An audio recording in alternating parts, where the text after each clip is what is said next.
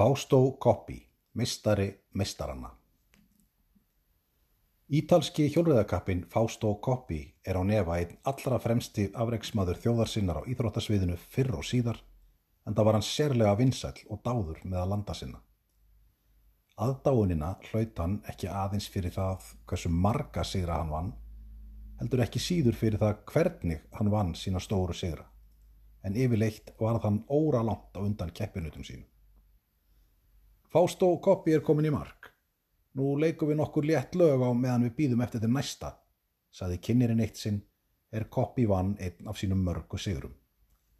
Það var því ekki að ófyrir sinju að meðal ítölsku þjóðarinnar hlautan heitið Il Campionissimo, mistari mistaranna.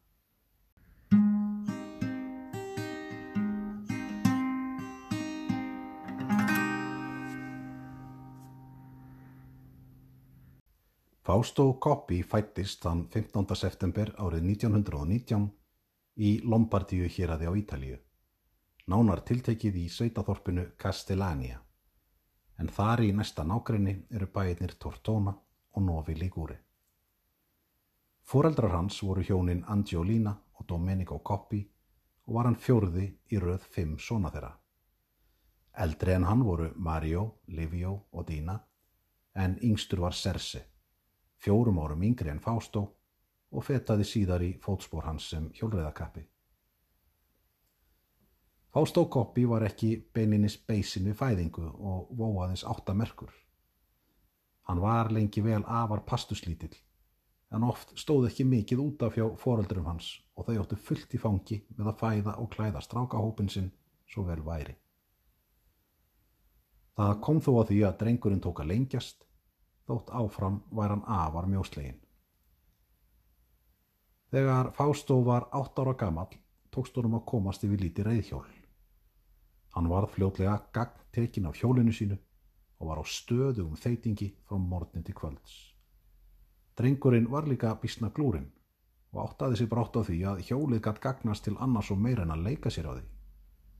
Hann reði sig sem sendil hjá matvöruverslun í Novi Ligure þannig að fyrstu launin sem Fást og Koppi vann sér inn á æfinni tengdust reyðhjólinu.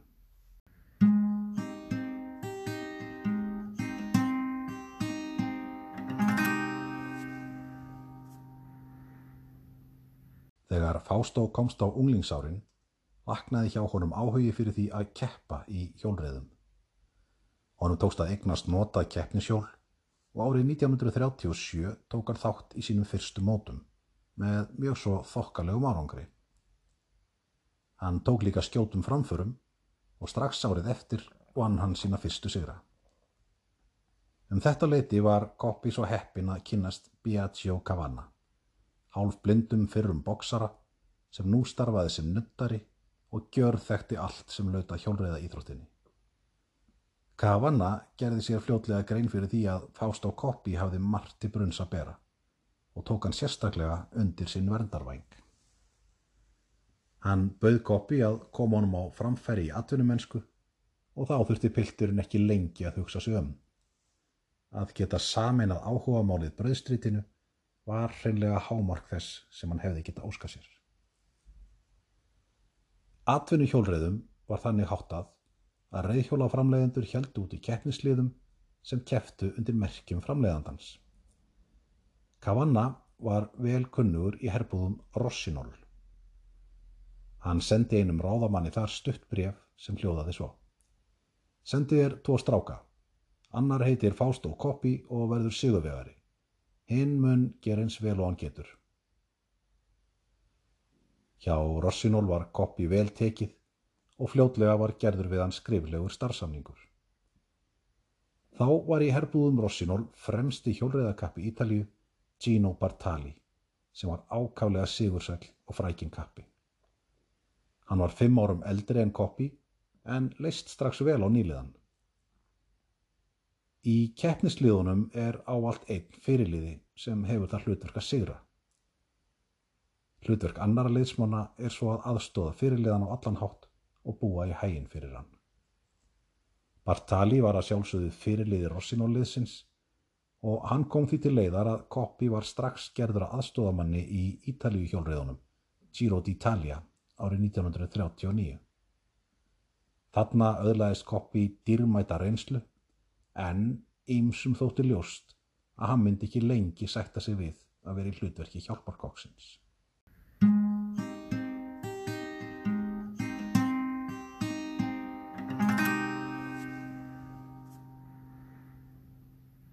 Hjólreiðar hafa lengi verið ákálega vinsalar sem keppnisgrein, ekki hvað síst í Evrópu. Sumstaðar, eins og til dæmis á Ítalíu, er jafnvel hægt að tala um hjólreiðarnar sem þjóðaríþrótt. Á þessum tíma mátti skipta hjólreiðum í tvær megin greinar. Keppni á braud annars vegar og keppni á þjóðvegum hins vegar. Í þeirri fyrrnemdu er keppt á til þess byggðum hringbrautum sem oftast eru undir þakki. Þjóðvegahjólreiðarnar spanna hins vegar mjög vítt svið, allt frá stuttum einstagskeppnum upp í stóru hringverðirnar sem geta staðið í alltaf þrjára vikur og spanna nokkur þúsund kílómetra. Þegar Fást á Koppi gerðist atvinnumadur, horfið hann fyrst og fremst til þjóðvegana. Honum þótti keppni á braut vera of tilbreytingalíti hringsól á meðan þjóðvegakeppnin bauð upp á miklu meiri fjölbreytileika. Það skipti líka verulegu máli að Hæstu launin og gildustu sigurbónusarnir voru í bóði í þjóðvegakeppnunum. Engu að síður brá hann sér stöku sinnum inn á brautirnar og þá venjulega með eftirminnilegum hætti. Stærsta og frægasta hjólriðakeppni heims er án Eva Fraklandskeppnin, Tour de France, sem jafnframt er einhver svo mesta þregrun sem um getur á íþrótasviðinu. Keppnis leiðin er breytileg frá ári til árs, en hjólað er um gjörvalt Frakland auk þess sem leikurinn berst oft einni til annara landa. Keppnin skiptist í 21 áfanga og stendur í um það byrj þrjár vikur en vegalengdin er dáliti breytileg, venjulega í kringum 3000 km. Þessi fræga keppni hefur farið fram árlega síðan 1903 að undanteknum árum heimstyrjaldana. Svo keppni sem gengur næst Fraklandskeppninni er Ítalíuringurinn. Giro d'Italia. Sú keppni fór fyrst fram árið 1909 og er álíka laung og fraklandskeppnin en hefur ekki öðlast sama sess. Fjölmörg önnur klassísk hjólriðamót, lengri og skemmri, fara svo fram árlega, þannig að þú nógu er að velja.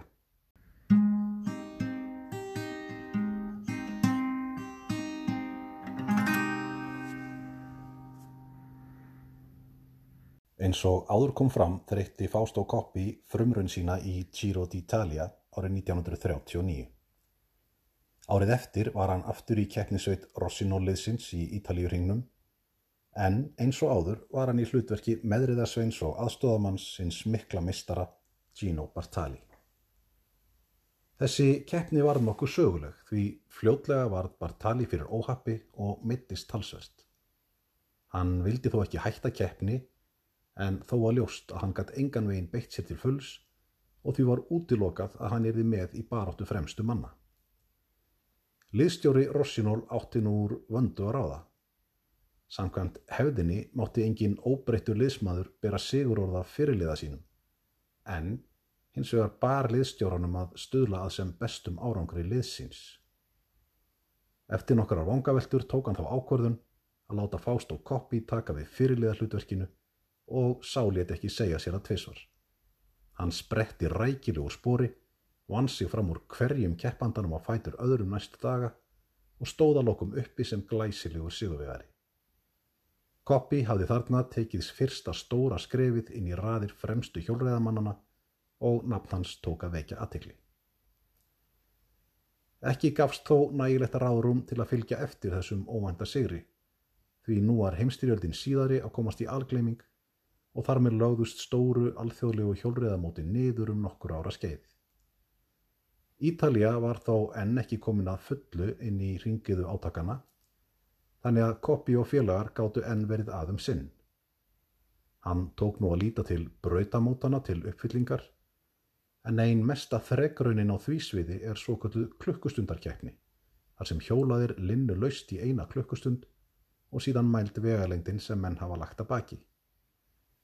Fástó Koppi ákvaða að gera allega heimsmyndinu í þessari grein. Hann let til skara skrýða vorið 1942 í Vigorelli hjólreiðahöllinni í Milano. Og dæmi gekk upp því honum tókst að hjóla 45.848 metra og bæta eldrametið um 81 metra. Þetta heimsmet stóð svo óhakkað í 12 ár. Skömmu síðar vann Koppi ítalska meistaratitilin í göduhjólriðum í fyrsta sinn. Þetta var þins vegar síðasta hjólriðakefni hans í byli.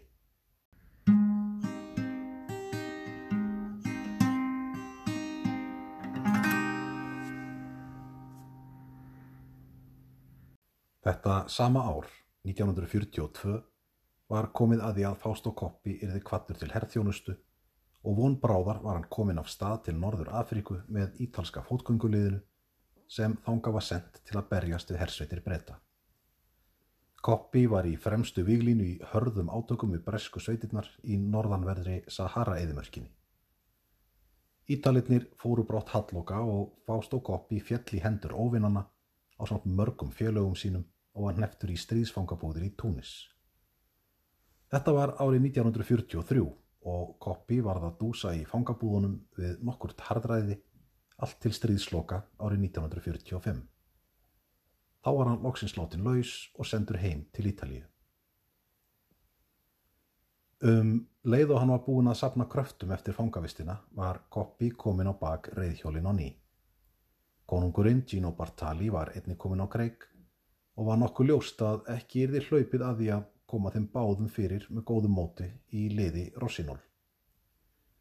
Því var það að forráðamenn Bianchi-liðsins komu á máli við Koppi og buð honum vænlegan samning og um leið fyrirliðastöðuna í liðinu. Koppi tók þessu bóði með þökkum og upp frá því klættist hann henni bláu og hvítu keppnistreyju Bianchi-liðsins. Fyrsta stóra keppni Koppis undir nýjum merkjum var Milano-San Remo keppnin. Þessi keppni fer áallt fram snemma vors og gengur undir nafninu Vorbóðin. Vegalengdin er 292 km og er talin bísna erfið. Fástó Koppi var greinilega staðræðun í að sína sig og sanna og eftir aðeins 5 km var hann komin í fóristuhópin. Í klifrinu upp Tucino fjöllin sað hann svo skilið við keppinautana og kom lang fyrstur í mark. 14 mínútum og undan næsta manni og 18,5 mínútu og undan þeim þriðja, sjálfum Gino Bartali. Koppi glattist innilega yfir þessum sigri og sagði síðar að hann hefði beininist tárast þegar hann gerði sig grein fyrir því hví lítið reysa skref hann hafi stíð úr stríðsfangabúðunum og upp á efsta þrepp velunapatsins í San Remo. Nokkru síðar sigraði hann svo í Lombardíu hjólriðunum. Fástó Koppi var greinilega komin aftur. Árið eftir, 1947, var svo röðin komin að Ítalíuringnum þar sem hann hafði fagnast sínum fyrsta stóra sigri fyrir sjö árum síðan. Allir fremstu hjólriðamenn Ítala voru meðal keppenda auk nokkura sterkra útlendinga en engum tókst að ógna Fástó Koppi. Síðan fór hann í heimahagana, vann Lombardíurringin öðru sinni og loksir það í frásögu færandi að Koppi brá sér líka inn á ringbröðina sem honum leittist þó alla jafna. Nú ger hann sér lítið fyrir og vann heimsmeistaratitilinn í svo kalluðum eldi hjólriðum. Slík var fjölhæfni þessa mikla kappa.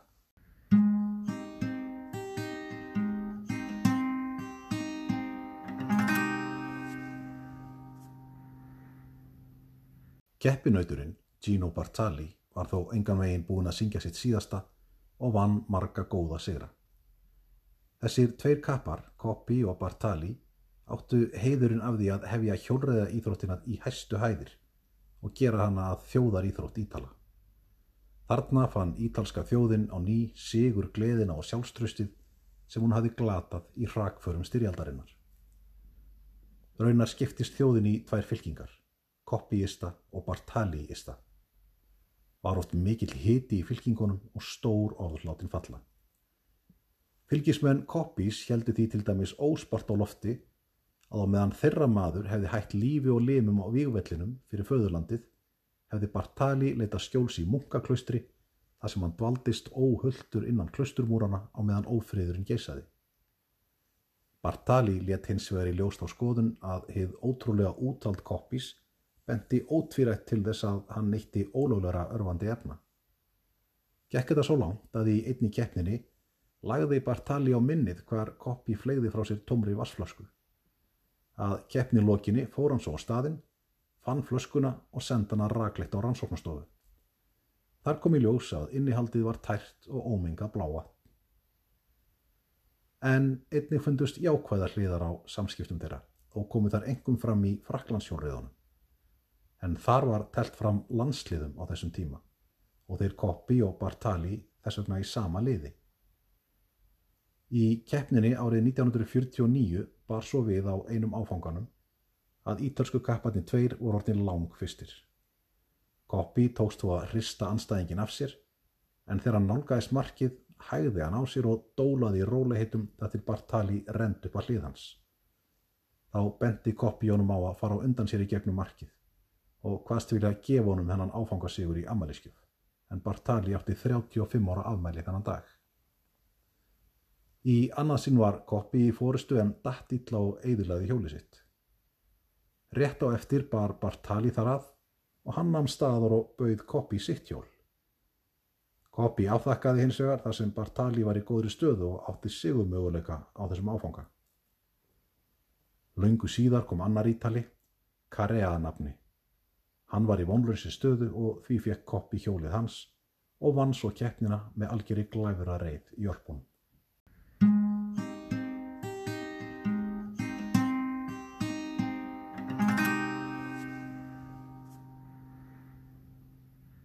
Fástó Koppi var nokkuð sérstakur í útliti. Hann var hávaksinn, 187 cm, en grannur og beinaber og vóaðins 76 kg.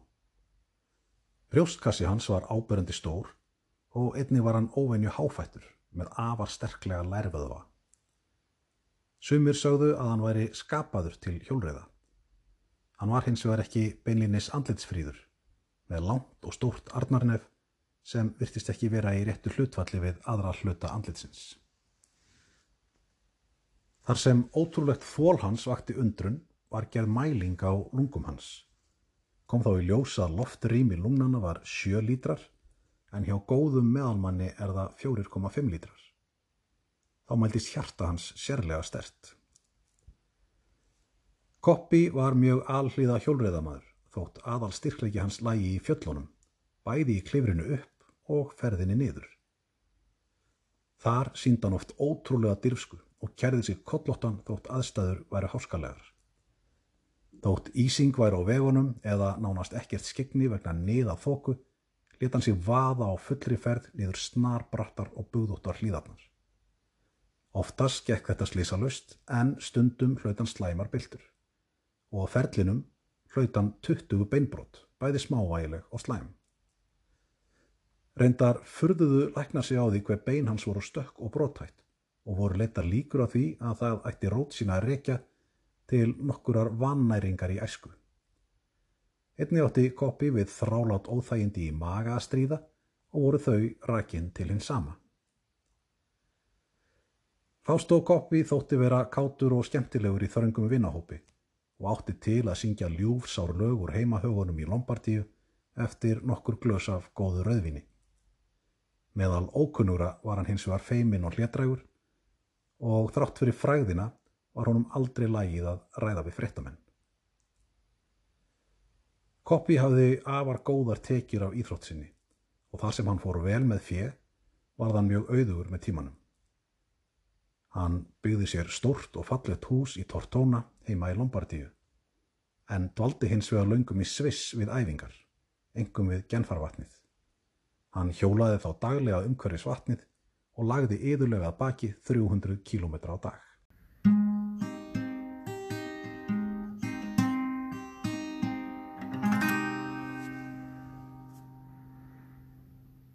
Hinn stóri draumur sér hvers hjólreðamanns er að vinna sigur í sjálfum Fraklandshjólreðunum, Tour de France. Mikill fjöldi hjólreðamanna viðsvegar aður heiminum tekur árlega þátt í þessari miklu þrekraun en aðeins örfáir ná stóra takmarkinu.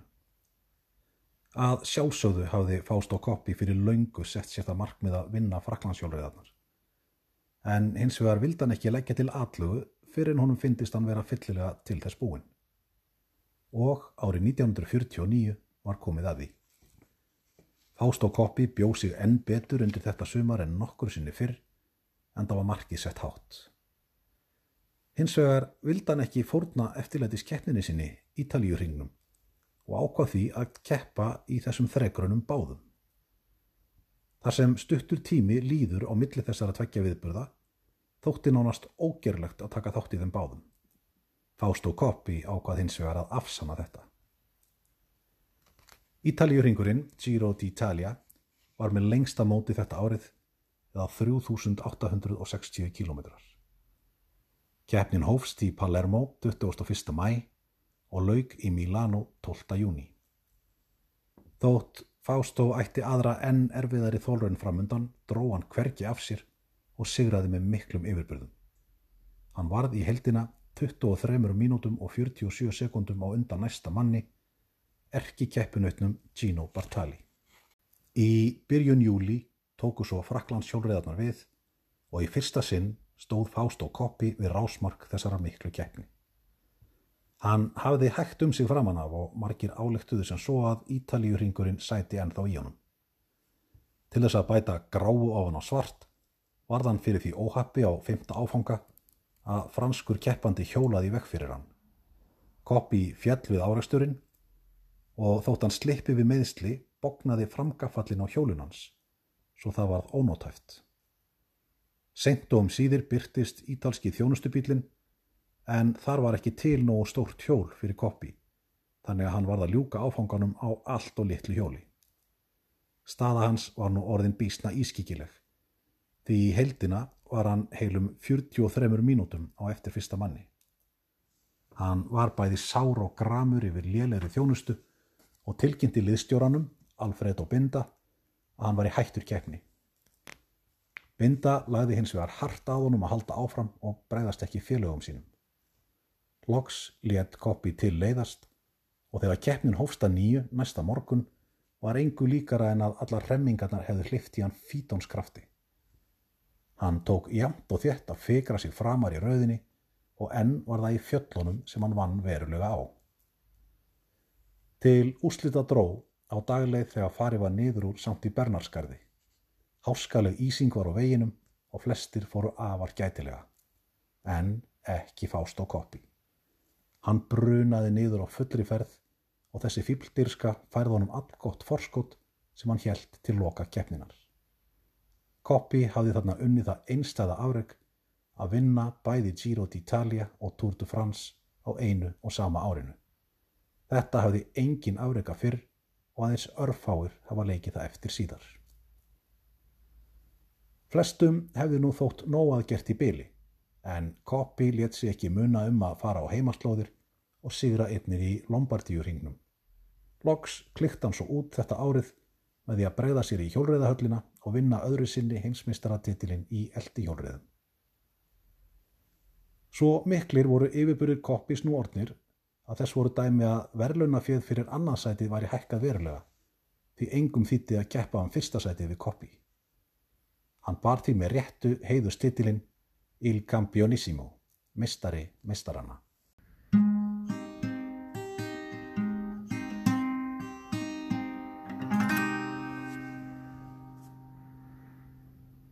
Sumarið 1950 gekk í garð og fólk beigði ofvæni eftir Ítalju hjólriðunum. Gino Bartali hafði heiti því að koma fram hemdum fyrir ósigrana árið áður en Koppi hvaðst þess eins vegar fullviss að halda síðurgöngunni áfram. Flestum á óvart tók svislendingurinn Ugo Goble fóristuna en Ítaliðni tveir virtust vera einum of uppteknir af því að fylgjast með öðrum. Þegar komið var í Dolomítafjöllin fannst Koppi vera komin tími til að láta til skara skrýða en þá skeiði ólónið. Hann hlaut afar slæm á byltu og mjálmagrindar brotnaði. Þar með var hann að sjálfsögðu leik en hinnir heldu ótröðir áfram. Þótt Bartali legði sig allan fram, tókst honum ekki að vinna upp forskott svislendingsins, þannig að Hugo Goble varð fyrstur útlendinga til að vinna sigur í Ítalíu hjólriðunum. Fástó Koppi lág hins vegar lengi á sjúkrahósi og kom ekki meira við sögu þetta árið. Næsta sumar, 1951, var Koppi í fullu fjöri á ný og hafði engan veginn látið þið slæma slís dragur sér kjarkin. Hann bjóð sig undir fraklandskeppnina þar sem hann ætlaði sér stóra hluti. Yngri bróður hans, Serse, var óðum að skapa sér nafn sem hjólriðamadur og var genginn til liðs við Bianchi-liðið eins og Fástó. Hann stóð sér ótt vel og vann til dæmi sigur í Paris-Roubaix keppninni árið 1949. Hann ætlaði ekki að taka þátt í Fraklandskeppninni þetta ár, 1951, en fór þessi stað í Piedmont ringin skömmu áður. Þar hlaut hann slæma byltu er hann var að koma í mark í Milano og fekk þungt höfuðhögg, en á þeim tíma týðkaðist ekki nótkun hlýðarhjálma. Serse reist þó strax upp eins og ekkert hefði í skorist og hjælt til hótelsins. Þar fór hann að finna til svima og magnleisis og lagðist því fyrir í herberginu sínu. Þar andaðist hann skömmu síðar. Tíðindin af andláti Serse fengu mjög á fást og koppi en það hafði verið afar kært með þeim bræðurum. Forráðamenn ítalska liðsins í fraklandskeppniri letu koppi vita að honum var í frjálst að draga sér í hlið. Því hafnaði Koppi og hvaðst Korki vilja bregðast félögum sínum nýja aðdáendum. Hann mætti því til leiks en auðsið var að honum var mjög bröðið. Aðdáendunir sem venjulega sendu honum gladleg fagnadar og kvartningarhróp stóðu nú niður lútir við veginn og kalluðu samúðarkveður og sumir feldu tár. Um tíma virtist Koppi vera að bögast en hann herti upp hugan og lauk keppni í tíundasæti sem þótti hraustlega gert miða við aðstæður.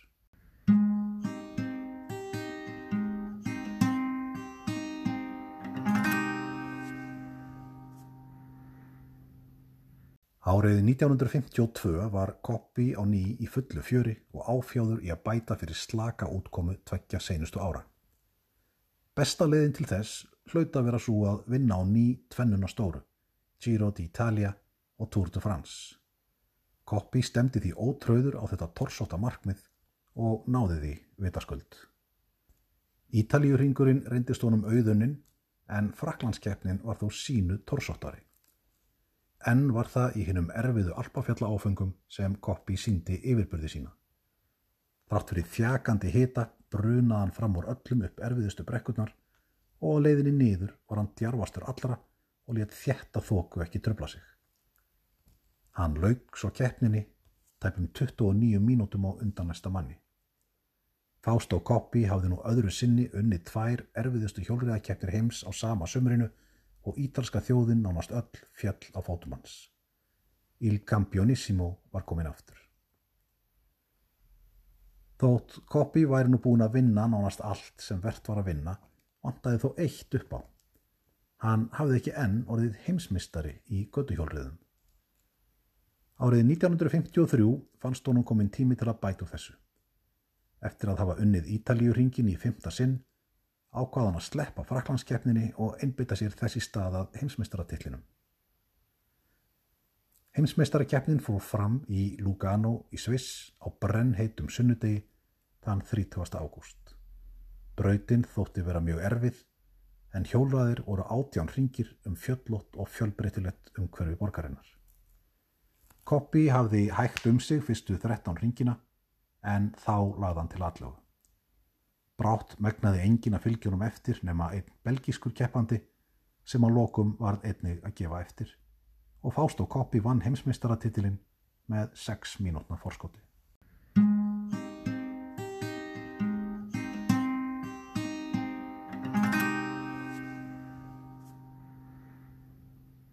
Þegar velgengnin rís hæst er fallið næst.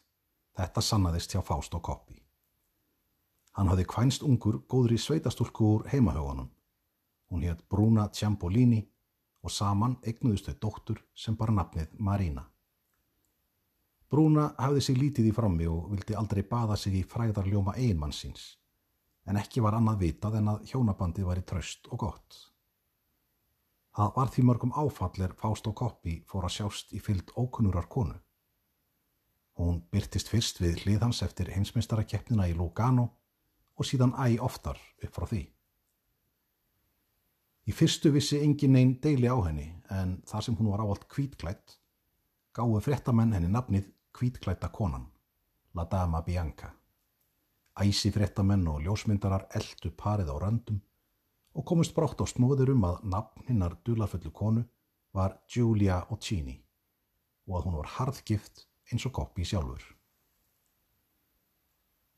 Í henni stráng katholsku Ítalju voru hjónaskilnaðir óhugsandi á þessum tíma og hjúskaparbrot voru refsiverð samkvæmt lögum. Hinn kokkálaði eiginmaður Júliu fók rettist og lagði fram kæru á hendur eiginkonu sinni og ástmanni hennar. Þegar máli var tekið fyrir áttu verðir fullt í fangi með að halda upp í reglu í réttarsalnum vegna ágangs frettamanna og forvitina áhörvenda. Þarna var Fást og Koppi dæmdur í tveggja mánada fangelsi, þó með skilorði þannig að hann þurfti ekki að sitja inni. Julia var eins og var fangelsuð í stuttan tíma en brátt látin laus skilorspundið. Þrátt fyrir allt þetta andstreymi fekk ekkert hakkað sambandi þeirra Fástós og Júliu. Því Fástós sleit nú endanlega sambúðinni með eiginkonunni og hófa búa með Júliu. Þau höfðu augljóslega bæði fundið þinn að stóru ást lífsins og í tímans rás fættist þeim sonurinn Faustino. Almenningur tók tíðindunum af ástarlífi koppís misjaflega.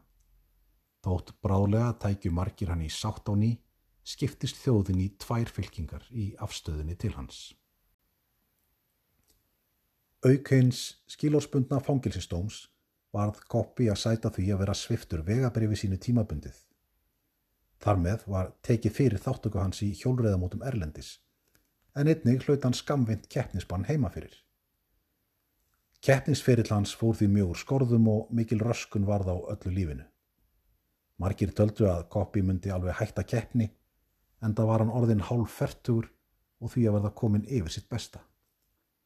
Þá var hann orðin mjög auðugur og ekki lengur upp á tekjur af hjólreðunum komin. Hjólreðarnar höfðu hins vegar áallt verið svo snar þáttur í lífi Koppis að hann gætt engan veginn hugsa sér tilveruna án þeirra. Um leið og keppnisbanninu var aflétt hófan þáttöku í mótum og ný og síndi að enn livði í gömlum glæðum. Hann vann ímsa góða sigra. Til dæmis vann hann Lombardíu ringin árið 1954 og árið eftir var hann Ítalíumistari í göduhjólreðum. Seinasta stóra sigurinn vann hann sumarið 1957 er hann vann keppnina um Baracci byggarinn í fymta sinn. Við lok keppnisferilsins átti Fást og Koppi óvenju glæsilega afreikaskrá. Tveir sigrar í Tour de France, fimm sigrar í Giro d'Italia, fimm sigrar í Lombardíuringnum, heimsmeistari í göduhjólriðum, fjóru sinum ítalskur meistari í göduhjólriðum, auk sigra í mörgum af þekktustu einstags þjóðvega heims, svo sem Milano Sanremo og Paris-Roubaix. Við þetta bættust svo afreikin í brautakjapnum, heimsmet í klukkustundahjólriðum og tveir heimsmeistaratillar í eldihjólriðum.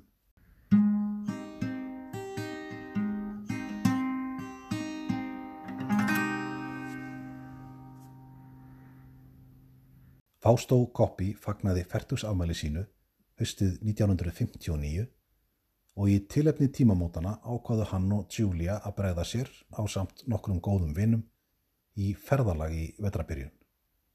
Förinni var heiti til Afrikuríkisins Efri Volta sem nú heitir Burkina Faso. Þar ferðuðust þau um, akandi og hjólandi og stunduðu villitýra veðar.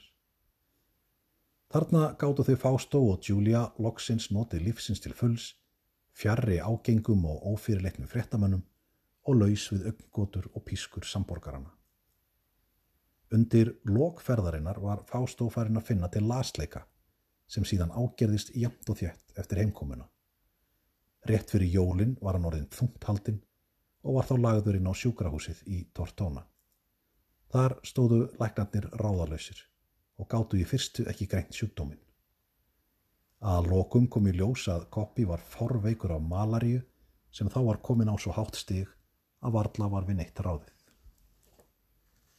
Þegar Fást og Koppi taldi sér finna dauðan nálgast, orskaði hann eftir presti til að veita sér hinsta sakramenti. Presturinn, fadir Lorenzo Ferrazzo, setti hinnum fársjúka manni þá afarkosti að til þess að fá sakramentið yrði hann að lofa því framifyrir Guði að ef hann kæmist til heilsu og ný myndi hann snúa aftur til eiginkonunar sem hann hafði yfirkefið á sínum tíma. Að öðrum kosti fengi hann korki sakramentið nýja heldur að kvíla í vigri mót. Þar sem Koppi var stráng trúaður þrátt fyrir allt, gaf hann þetta lofórð sálu sinni til bjargar. Skömmu síðar, nánar tildekið þann annan janúar 1960, andaðist Fást á Koppi. Frettin um andlátt Koppis barst eins og eldur í sinu um gjörvalla Ítalíu og öll þjóðin saminaðist í djúbri sorg sem raunar náði langt út fyrir landamærin. Stöðugur ströymur sirkjenda var fram hjá opinni kistu Koppis og við útföruna er talið að um 50.000 manns hafi verið á staðnum. Tólf frægustu hjólreiðakappar heims skiptust á um að bera kistuna til gravar en grátandi sirkjendur stóðu með fram leiðinni og margir kröpu niður og kistu gödusteinana sem líkvildin fórum. Fástó Koppi var lagður til hinstu kvildar við hlið Serse, bróðursins, í kirkjugarðinum í Castellania, fæðingathorpinu þeirra. Nokkurum árum síðar var kista hans svo færði í kirkjugarðin í Tortona, þar sem korki þorpið Castellania, nýje litli kirkjugarðurinn, þóldu hérna gífurlegu ásókn þeirra sem vildu vitja gravar Koppis. Ímislegt hefur verið gert til að heiðra minningu Koppis og varveita hana. Húsið hans í Tortóna er varveitt í þeirri mynd sem skilið ára við það og er nú reikið sem minnjasafn, lengi vel í umsjón Faustínus, sonar Koppis. Það var gerð kvikmynd um æfi og ástir hans árið 1993 og ber hún nafnið Il Grande Fausto.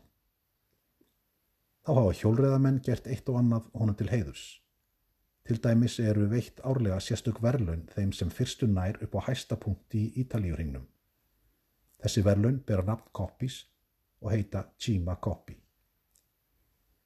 Þá má geta þess að í atkvæðagreyslu um fremstu íþróttamenn Ítali á 20. öldinni hafnaði Fástó Koppi í öðru sæti.